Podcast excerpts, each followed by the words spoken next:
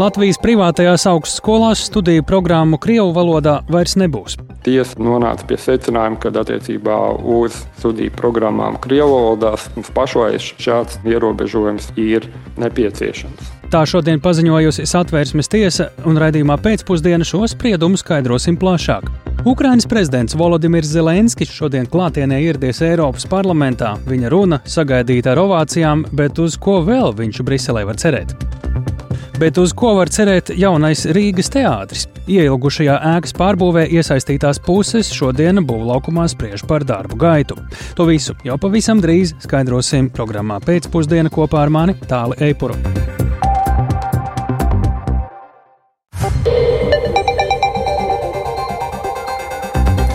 Pūkstens ir 16,5 minūtes, skan pēcpusdienas ziņu programma, skaidrojot šodienas svarīgus notikumus. Studijā tālāk Seipurs.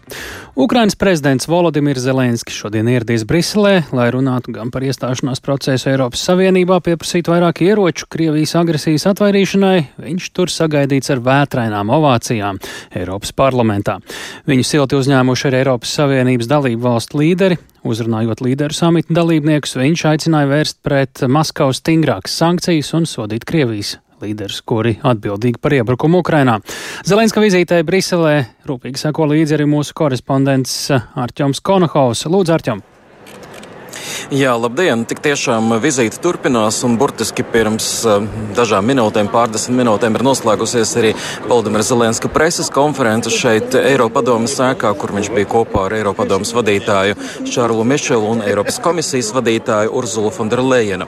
Un, uh, protams, uh, tika runāts par to, kāds ir Ukrainas ceļš gan, lai pievienotos Eiropas Savienībai, gan arī, protams, runāts par ieročiem un ieroču piegādi, gan arī, protams, par atbalstu desmit punktu miera plānam.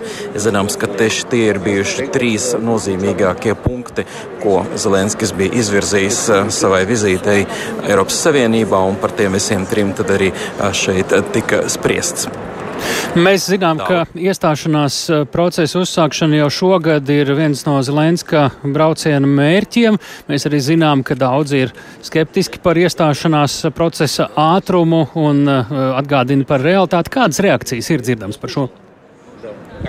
Tik tiešām uzrunājot Eiropas parlamenta deputātus Briselē, no rīta eh, Zelenskis vairāk kārt pateicās par Eiropiešu sniegto atbalstu un sacīja, ka uh, tik tiešām viņš uh, cer, ka Ukraina varēs pēc iespējas ātrāk iestāties Eiropas Savienībā, jo Ukraina ir Eiropa un Ukrainai ar Eiropas Savienības valstīm ir daudz kas kopīgs, šis, šis Eiropas vērtības, Eiropas ceļš, un viņš arī pauda cerību, ka viņa valsts centieni tiks arī tad, tad, attiecīgi atzinīgi novērtēti šogad. Paklausīsimies viņa sacīto.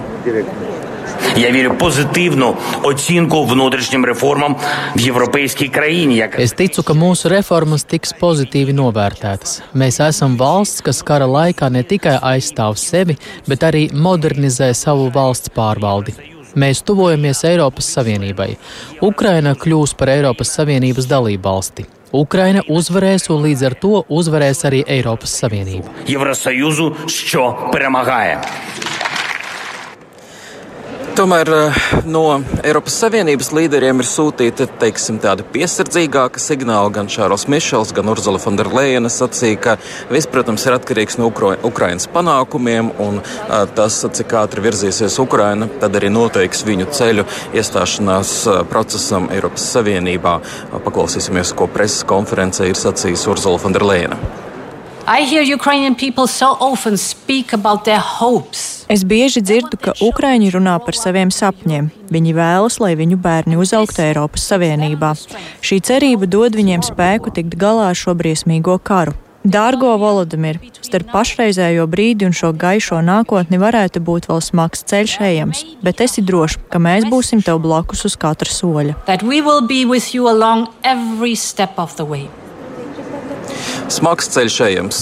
Tad tas ir diezgan skaidrs mājiens par to, ka tiešām process nekad nav vienkāršs un valstīm vajag zināmu laiku, lai iestātos Eiropas Savienībā. Tāli.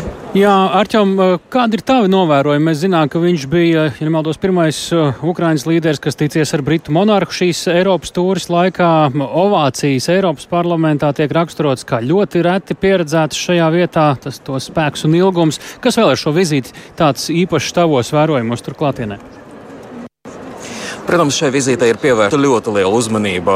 Es domāju, ka ir arī ļoti liels retums, kad karojošas valstis, valsts līderis ierodas uh, Eiropas Savienībā un uzrunā, un viņa tiešām uzrunām ir ļoti liels emocionālais spēks. Uh, tāpēc arī Zelenskis uh, dodas un apmeklē dažādas valstis un tiekas ar um, parlamentāriešiem, ar valstu līderiem un, un tam līdzīgi. Bet, nu, protams, ir jāatcerās, ka viņa prasības un viņa mērķi ir diezgan ambiciozi un tos, protams, nav tik viegli izpildīt. Un par to ir jāatcerās. Tā kā, jā, simboliski tā ir nozīmīga vizīte. Tas ir svarīgs signāls, lai uh, Eiropa varētu parādīt, ka tā turpina atbalstīt Ukrainu, ka tā turpinās atbalstīt Ukrainu un ka tiešām nekas neapturēs no, šīs, no šī procesa. Tā, tas ir arī lielā mērā signāls Krievijai. Bet, protams, mēs skatīsimies, kā tas izpaudīsies tādā pavisam praktiskā izpausmē. Jā, un manuprāt, tas arī ir svarīgs un motivējošs signāls Zelenska mājās Ukrainā. Tur šādiem notikumiem seko līdzi, un tie tur ir ļoti svarīgi. Neapšaubāmi, protams, arī Ukrainai tas ir būtiski. Šeit Ukraiņu žurnālisti ir uzdevuši daudzus jautājumus. Arī Ukrainas kopiena ir bijusi, kopienas pārstāvi ir bijuši Eiropas parlamentā, arī šeit pie Eiropa padomas sēkas ir neliela akcija. Tā kā arī viņiem tas dod zināmu cerību, tas, ka viņš var šajā, šajā brīdī pamest valsti, viņš var ierasties uh, citās valstīs un uh, uzrunāt um, parlamentāriešus, politiķus, uh, citus um, cilvēkus tas arī parāda kaut kādā mērā, ka karš tomēr ir um, stabilizējies, situācija Ukrainā ir stabilizējusies. Un, eh, jo mēs, protams, varētu, nevarētu teikt, ka pirmajā brīdī kaut kas tam līdzīgs būtu bijis iespējams. Paldies, Ārķom! Mēs arī sociālajos tīklos eh, manījām daudzus jautājot par brīdi, kas notika tad, kad īsts Eiropas parlaments stāvēja kājās un aplaudēja, ko darīja no Latvijas ievēlētā prokremliskā Eiropa parlamentārieta Tatjana Ždanoka. Mēs zinām, to Ārķom sēdēja vietā, kur kur, šo, kur viņas vietu nevar redzēt, bet uh, cita Eiroparlamentārieša Roberta Zīles publicēts video liecina, ka viņš šajā laikā ir sēdējusi un nav aplaudējusi. Plašāk par to, cik simboliski un svarīgi ir Ukrainas prezidenta vizīte Briselē, tūlīt pēc raidījuma pēcpusdienu klausieties arī raidieraksta drošinātājs ētera versijā. Tur līdzās citiem tematiem to analizēsim kopā ar drošības politikas eksperti pētnieci Kristīnu Bērziņu Vašingtonā.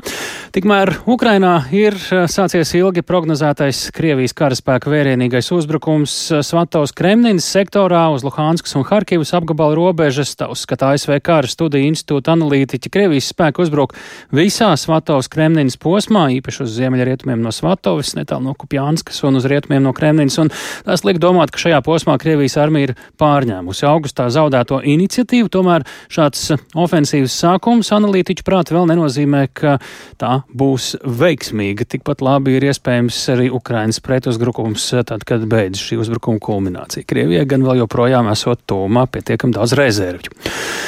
Plašāk par aktuālo situāciju frontē Ukrainā klausieties sarunā ar Nacionālo bruņoto spēku pārstāvu majoru Jānis Laidiņu rīt. Programmā labrīt pēc pulksten septiņiem.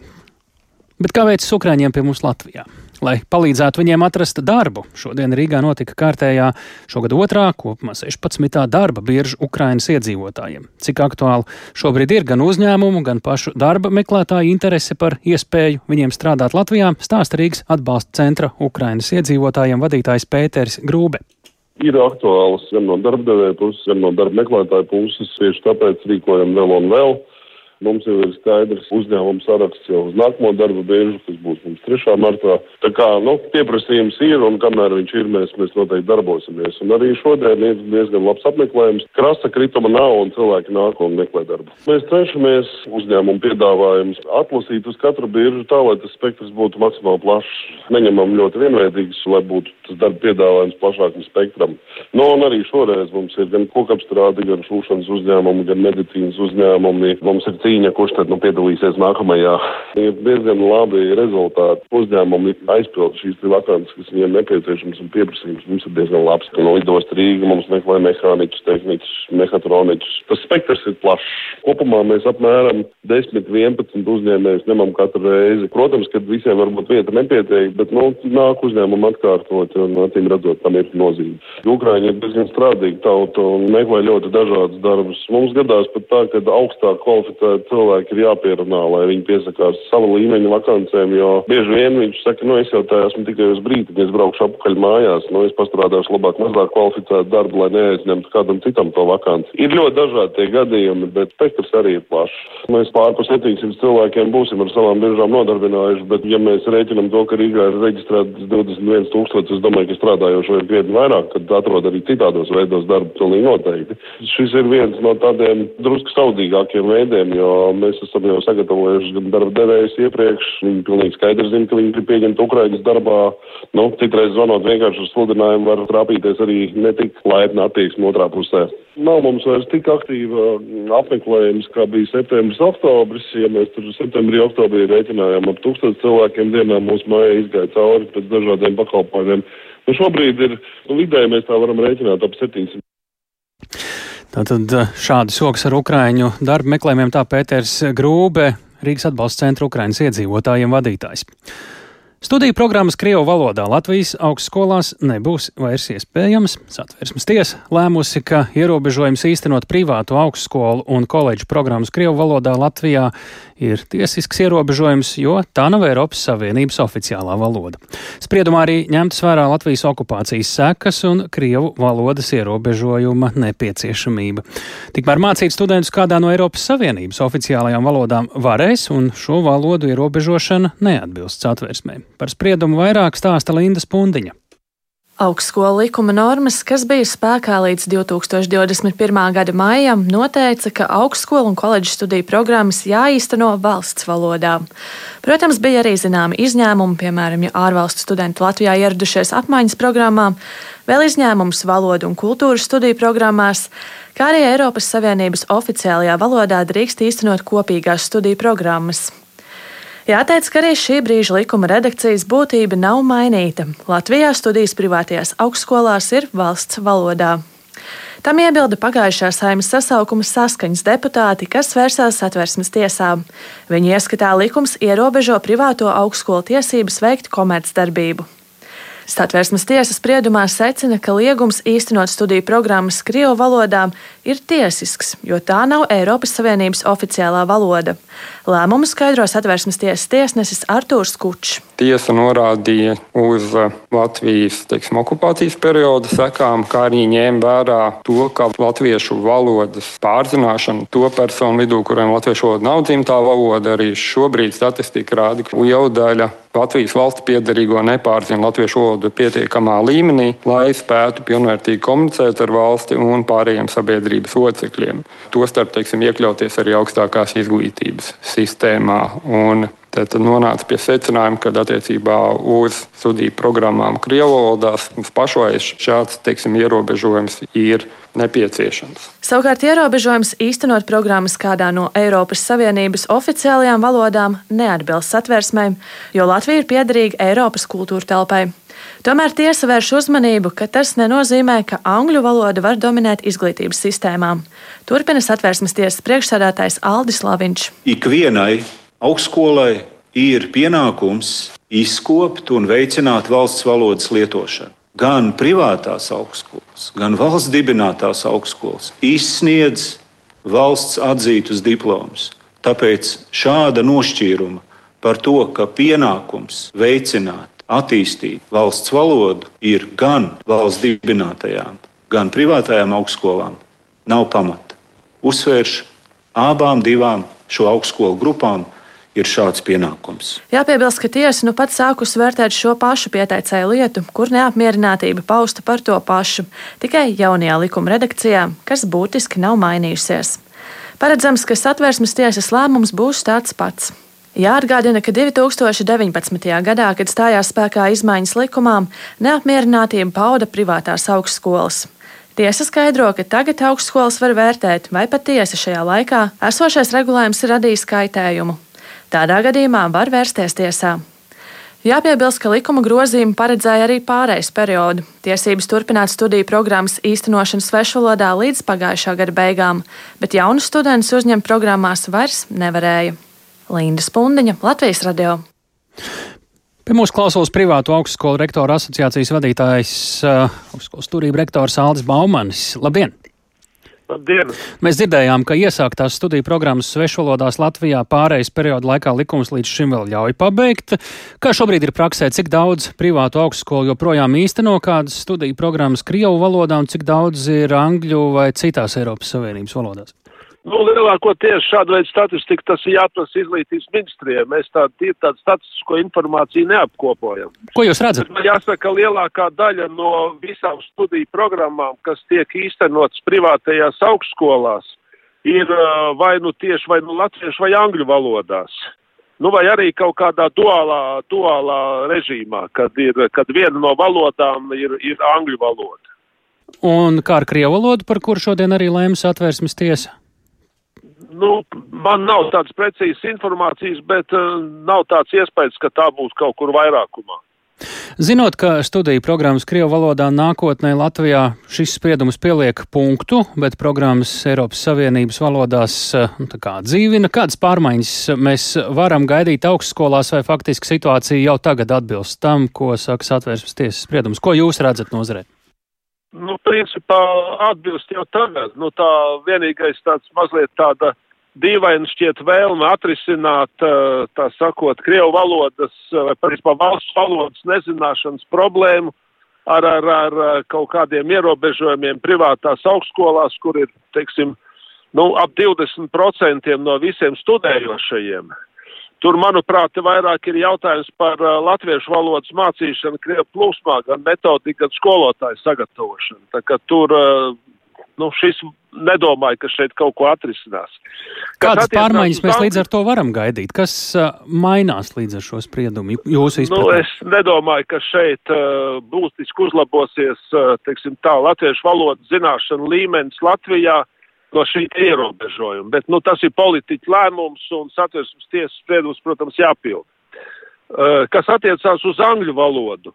Uh, šeit ir uh, tāda līdz šim tāda dīvaina situācija bija, kad angliski mēs varējām mācīt likumīgi, mācīt, teiksim, ārvalstu studentus, gan tā sakot, uh, bet arī pašā laikā uh, Latvijas valsts piedarīgiem, ja viņi gribēja braukt, ma, gribēja mācīties angļu valodā, tīri, tad viņiem, nu, likumā tur nebija skaidri nodefinēts, kas jādara. Bet, nu, visticamākais, ka jābrauc uz ārzemēm mācīties angļu valodā.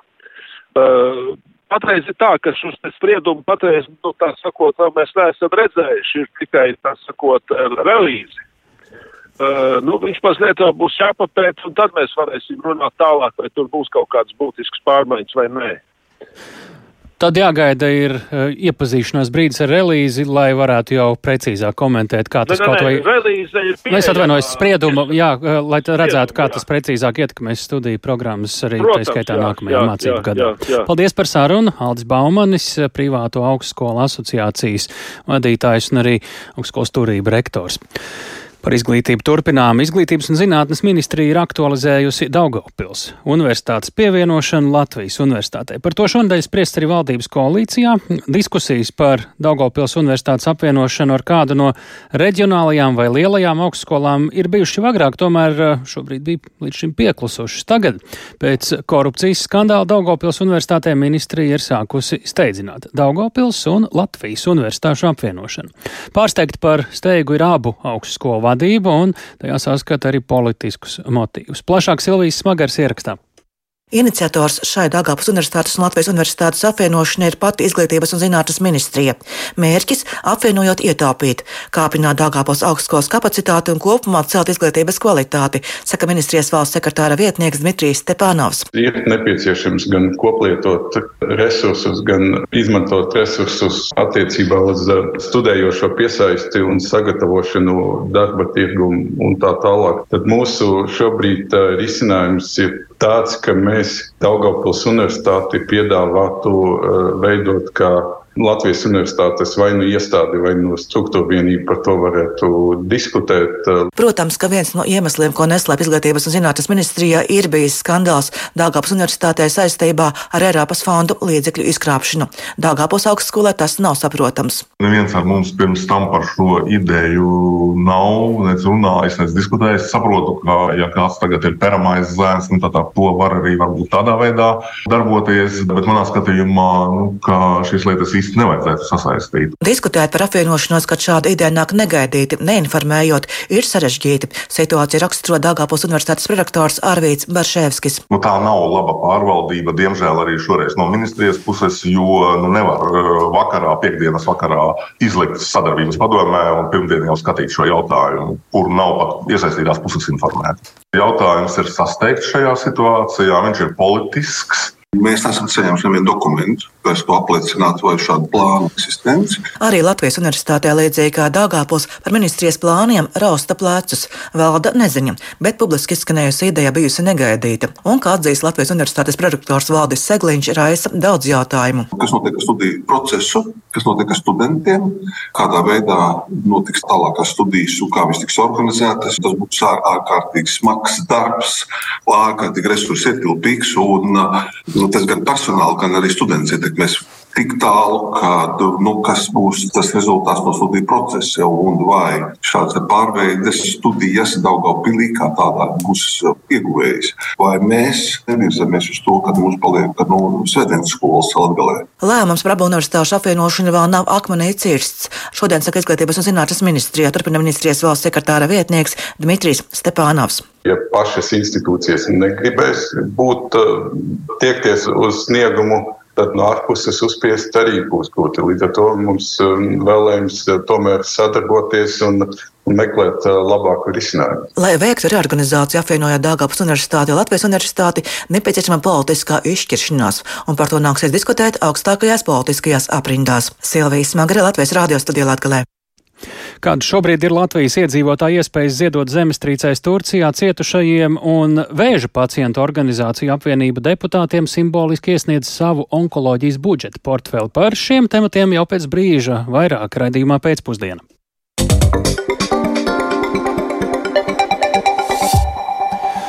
Turcijas un Sīrijas postošajās zemestrīcēs bojā gājušo skaits ir pārsniedzis 17,5 tūkstošus, un faktiski ir arvien mazāk izredzu atrast vēl kādus izdzīvojušos.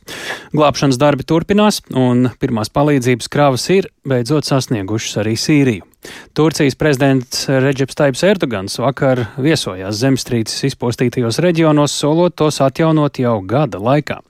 Taču Erdogans saņem ar vien asāku kritiku par nemākulīgu valsts pārvaldību un kavēšanos zemestrīces seku likvidēšanā. Kritiķu galvenos argumentus ir apkopojis Uģis Lībietis. Pēdējo dienu laikā Turcijas varas iestāžu virzienā neapmierinātība plūst gan no vienkāršiem iedzīvotājiem, kuri bieži vien vārdu tiešākajā nozīmē nespēja atbrīvot savus tuviniekus no grovišiem, gan no politiskās opozīcijas, kura kritizē valsts prezidentu Reģepu Tāju Erdoganu par nemākulīgo valsts pārvaldību. Faktiski nereti tiek uzsvērts, ka šī zemestrīce nav nemaz bijusi dabas stihija, bet gan politiska un sociāla katastrofa. Galvenokārt tāpēc, ka zinātnieku brīdinājumi, īpaši jau celtniecības jomā, no politiķu puses ir ignorēti ignorēti gadiem ilgi. Vairāk mediji norāda, ka šajā krīzes situācijā ir izkristalizējusies nepietiekama komunikācija starp dažādām civilajām pārvaldēm, tostarp ekipējuma, personāla un materiālu sadalē un koordinācijā. Tāpat ir parādījies koordinācijas trūkums starp civilajām un militārajām struktūrām. Bruņotos spēkus var uzskatīt par pašu organizētāko struktūru valstī, bet tie glābšanas darbiem desmitskartajās provincēs ir atvēlējuši vien aptuveni 3000 cilvēku.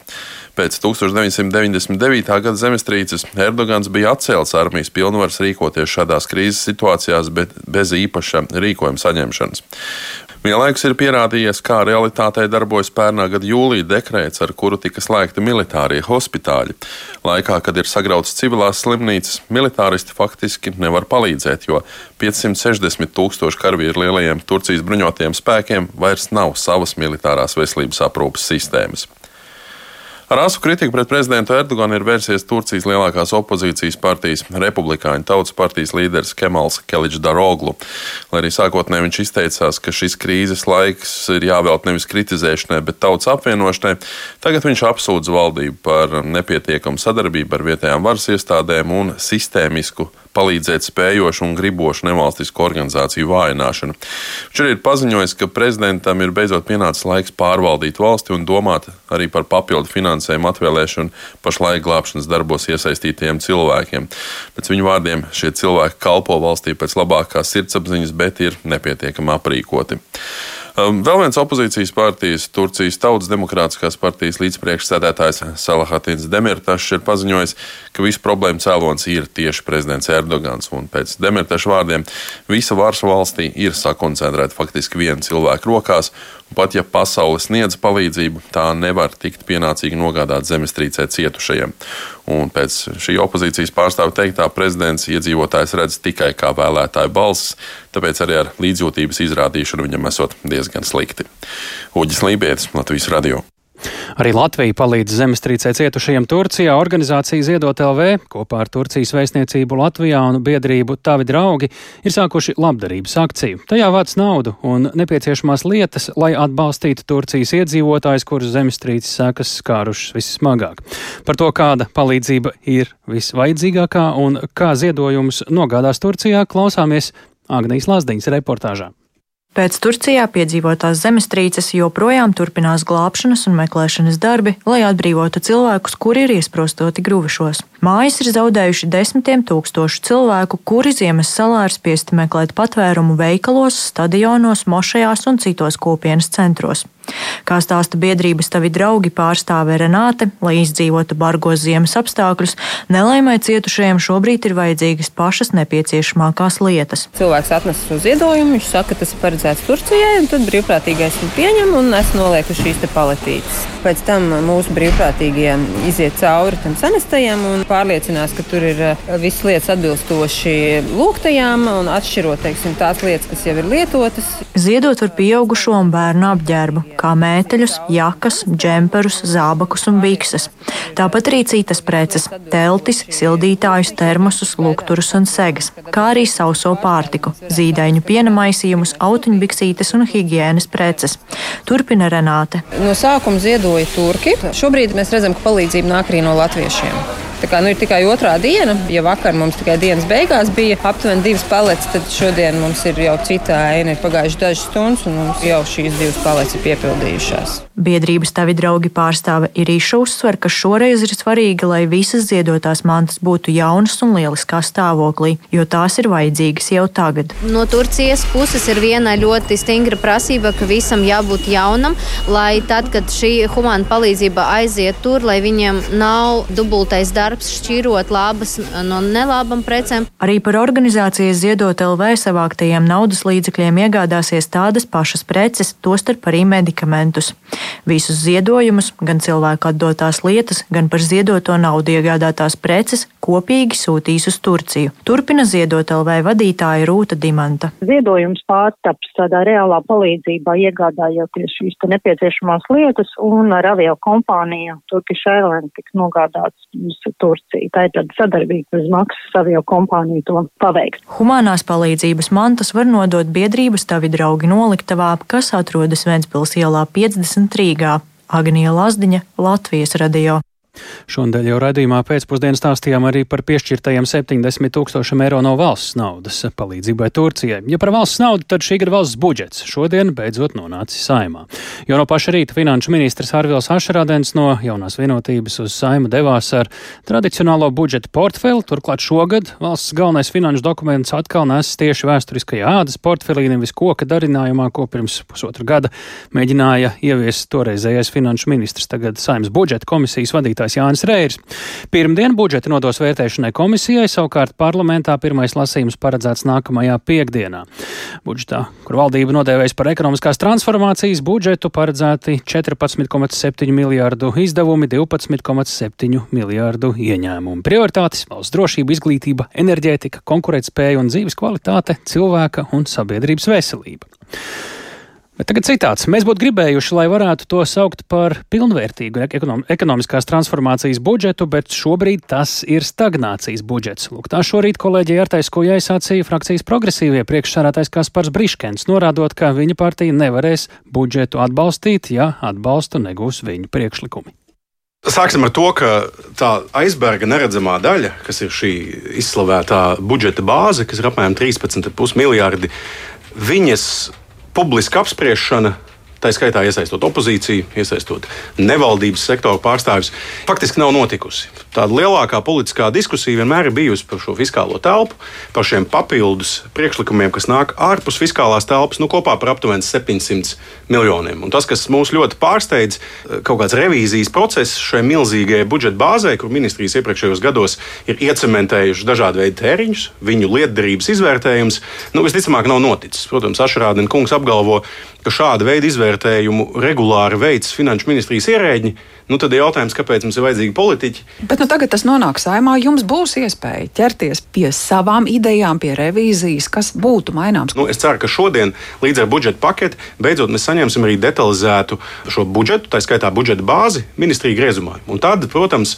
mēs viennozīmīgi iesniegsim ļoti konstruktīvus uz valsts attīstību un šo ekonomisko transformāciju vērstus priekšlikumus un noteikti vienmēr katru mūsu priekšlikumu pavadīsim arī ar alternatīviem finanšu avotiem. Bet, lai mēs nonāktu pie šiem alternatīviem finanšu avotiem, mums vajadzētu iedziļināties budžeta bāzē. Un to mēs varēsim darīt no šodienas. Katrā ziņā budžeta pirmais lasījums ir jau nākamajā piekdienā. Uz to, protams, mēs gatavosimies vairāk tādai konceptuālai pirmajai diskusijai, un tad jau, protams, uz, uz otro lasījumu tur jau noteikti būs arī ļoti plaša priekšlikuma pakete. Mums, piemēram, nav pieņemams, man arī kā ekonomistam, ne tikai kā saimnes deputātam, nav pieņemams tas, ka ir uzlikts nu, tāds zināms moratorijas nodoklis nodokļu politikai. Ir grūti iedomāties attīstītu Eiropas Savienības vai OECD dalību valsti, kas budžetu neskata kontekstā arī ar nodokļu sistēmas uzlabojumiem, ar nodokļu sistēmas tādu dinamisku pielāgošanu ekonomiskajai situācijai. Nu, par to valdības pārstāvji jau sacīja, ka skatīs pēc tam, kad budžets būs pieņemts. Bet uh, kuras ir tās ministrijas, kuri ir tie ministriju tēriņi, kur jūsuprāt ir jāsāk skatīties tā loģika, kuras varbūt trūkst?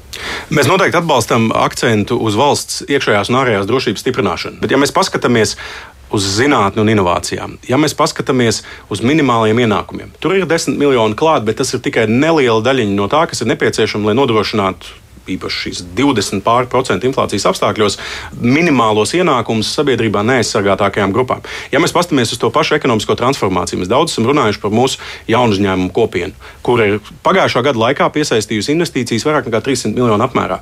Viņi lūdza trīs gados piešķirt 1,2 miljonus lai varētu šo ekosistēmu attīstīt, pretī dabūja 200 tūkstošus vienā gadā. Notiecīgi sešreiz mazāk kā prasīta. Par kādu ekonomikas transformāciju mēs runājam, ja mēs neinvestējam pat tajās nozarēs, kas acīm redzami demonstrē tādu nākotnes potenciālu, tā skaitā tādā ļoti augsts pievienotās vērtības segmentos.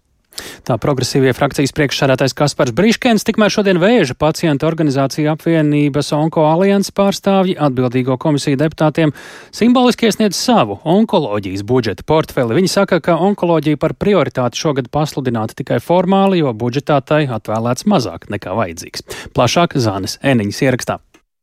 Onko alianse bija sagatavojusi nelielus simboliskus budžeta portfelīšus, palielas mapes ar uzrakstiem onkoloģijas budžets un ar aicinājumu vairāk domāt par sabiedrības veselību pie parlamenta pasniedz tos finanšu ministram un deputātiem, kuri devās uz saimnes sēdi.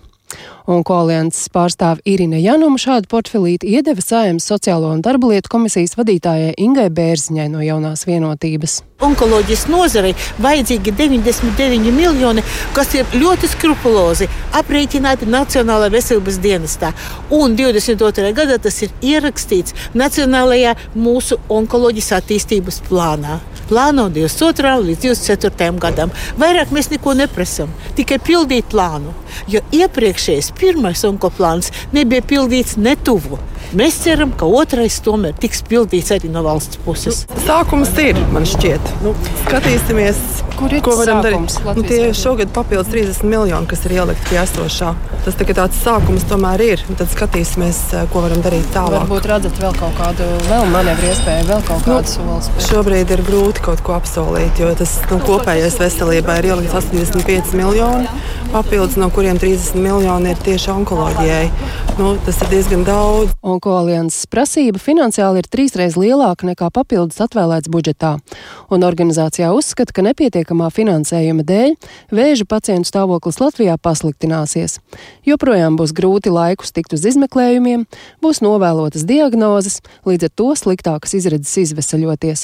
Latvija jau ir līderi vēža statistikā Eiropā, negatīvā ziņā, atgādināja Onkoalianses valdes loceklis Edgars Āboliņš. Latvija ir pēdējā vietā dzīvības ziņā Eiropā, Latvija ir pirmajā vietā mirstības ziņā. Nu, tad, es domāju, ir par ko aizdomāties. Un Viss pamats tomēr ir cilvēks, un lai būtu cilvēks, ir vajadzīga veselība. Un onkoloģija tā ir liela daļa no veselības. Veselības nozarei šogad kopumā plānotais finansējums ir 1,6 miljardi eiro, un budžeta projektā ietvertos papildus 85,8 miljonus eiro finanšu ministrs Arvils Ašerādens nosaucis par vienu no dāsnākajiem pieaugumiem. Viņš gan arī izteicies, ka saimā vēl iespējams diskusijas un izmaiņas budžeta projektā tieši veselības sadaļā. Neapmierinātība ar nozarei paredzēto finansējumu paudus ne tikai Onko alianse, bet arī Latvijas slimnīcu biedrība un citas šīs jomas sabiedriskās organizācijas. Zana Eniņa, Latvijas radio. Jaunajā Rīgas teātrī sācies remonta noslēdzošais posms, un teātris jau pamazām iegūst aprises, kādas tam uh, būs pēc visu darbu pabeigšanas. Un, lai gan remontus plānots pabeigt līdz oktobra beigām, vēl ir ļoti daudz neskaidrību, kas gala termiņu kārtībā reizi var pagarināt. Tieši šobrīd ar teātra rekonstrukciju iepazīstas uh, virkne atbildīgo augstu amatpersonu, tā skaitā, un kopā ar viņiem eh, ir arī mūsu korespondents Viktors Damīdovs. Eh, sveiks, Viktor! Saki, eh, kur tieši teātrā ēkā vai pie tās to un apmeklētāji šobrīd esat, ko tur redz apkārt? Jā, sveicināti. Šobrīd atrodos Lāčplēša ielā numur 25, kas ir jaunā Rīgas teātra mājas, tagad es atrodos vienā no telpām, pat grūti noraksturot, kas tā nākotnē varētu būt, bet mūs uh, izvadāja pa dažādām lielākām, mazākām telpām, gan zālēm. Visapkārt atrodas dažādi būvmateriāli, betona maisījumi, reģipsa plāksnes, uh, tātad mediju pārstāvji un uh, atbildīgie šeit atrodas un, un, un, un visu skatās ķiverēs tātad, un, un speciālos darba apavos. Tātad, ja runājam par pašu būvniecību, tad, kā atzīmējam valsts nekustamo īpašumu vadītājs Renārs Griškevičs, tad attiecīgi pašlaik ir darbu pabeigti aptuveni nu, virs 70%. Tie ir apmēram 75% no kopējiem darbiem. Tālūk, tā kā. Nu, tas ir diezgan skaidrs, ka līdz iepriekš noteiktajam termiņam martā nav nekādu iespēju tur kaut ko pabeigt, un oktobris ir vēl tādā cerību līmenī. Kas ir tie sarežģījumi šobrīd, ar kuriem būtu jātiek galā, kuru dēļ visticamāk arī šī vizīte šodien ir?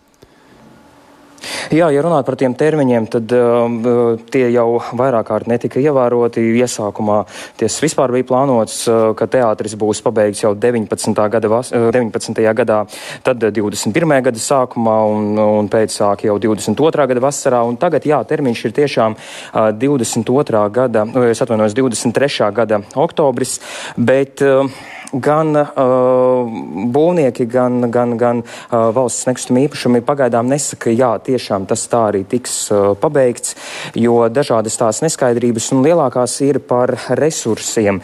Un uh, kā arī Tātad valsts nekustamo īpašumu vadītājs teica, ka uh, tagad būvlaukumā ikdienu strādā apmēram 100 darbinieku, bet vajadzētu 200, tātad kapacitāti trūkst, bet uh, saprunājos arī ar uh, būvnieku pārstāvi, un viņš teica, ka nu nevar vienkārši paņemt tagad 200 darbiniekus, ievietot šajā um, ēkā, un tagad projekts būs diezgan raiti pabeigts. Ir jāatrod balans starp trim lietām. Tātad tā būs, tas ir laiks, kvalitāte, kvalitāte un, un uh, resursi, nu, nu, nauda, pareizāk sakot. Un, ja runājam par izmaksām, tad um, teātra būvniecība izmaksās 30 miljonus eiro, bet um, uh, viss projekts 37 miljonus eiro. Vai šodien tur uz vietas jau varbūt ir izskanējuši kaut kādi izteikumi, kas liecina, ka situāciju varētu kaut kā straujāk iekustināt, uh, vai arī uh, šī ir tāda formāla apskatīšanās klātienē, kamerā, priekš, kameru priekšā atrādīšanās vairāk, kā tu to redzi šobrīd. Tur kādas sarunas notiek vai paziņojumi tiek izteikti. Jā, godīgi sakot, pašam rodas priekšstats, ka tā ir vairāk tāda simboliska iepazīšanās ar to, kas ir padarīts par šiem šogadu laikā. Mūsu vadākā jau minēja pašā sākumā par dažādām telpām, parāda, mums ir izdarīts tas, mums ir izdarīts šitas, mums atradīsies te, un tas un tas.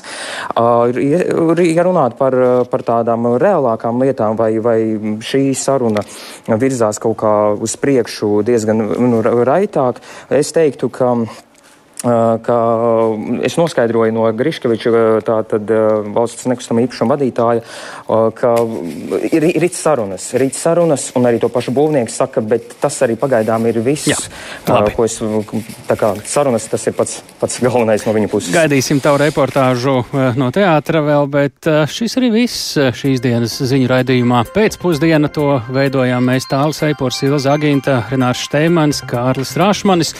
Svarīgākais Ukrainas prezidents Vladimirs Zelenskis šodien klātienē Eiropas parlamentā tika sagaidīts ar ovācijām. Tiekamies rīt! Yeah.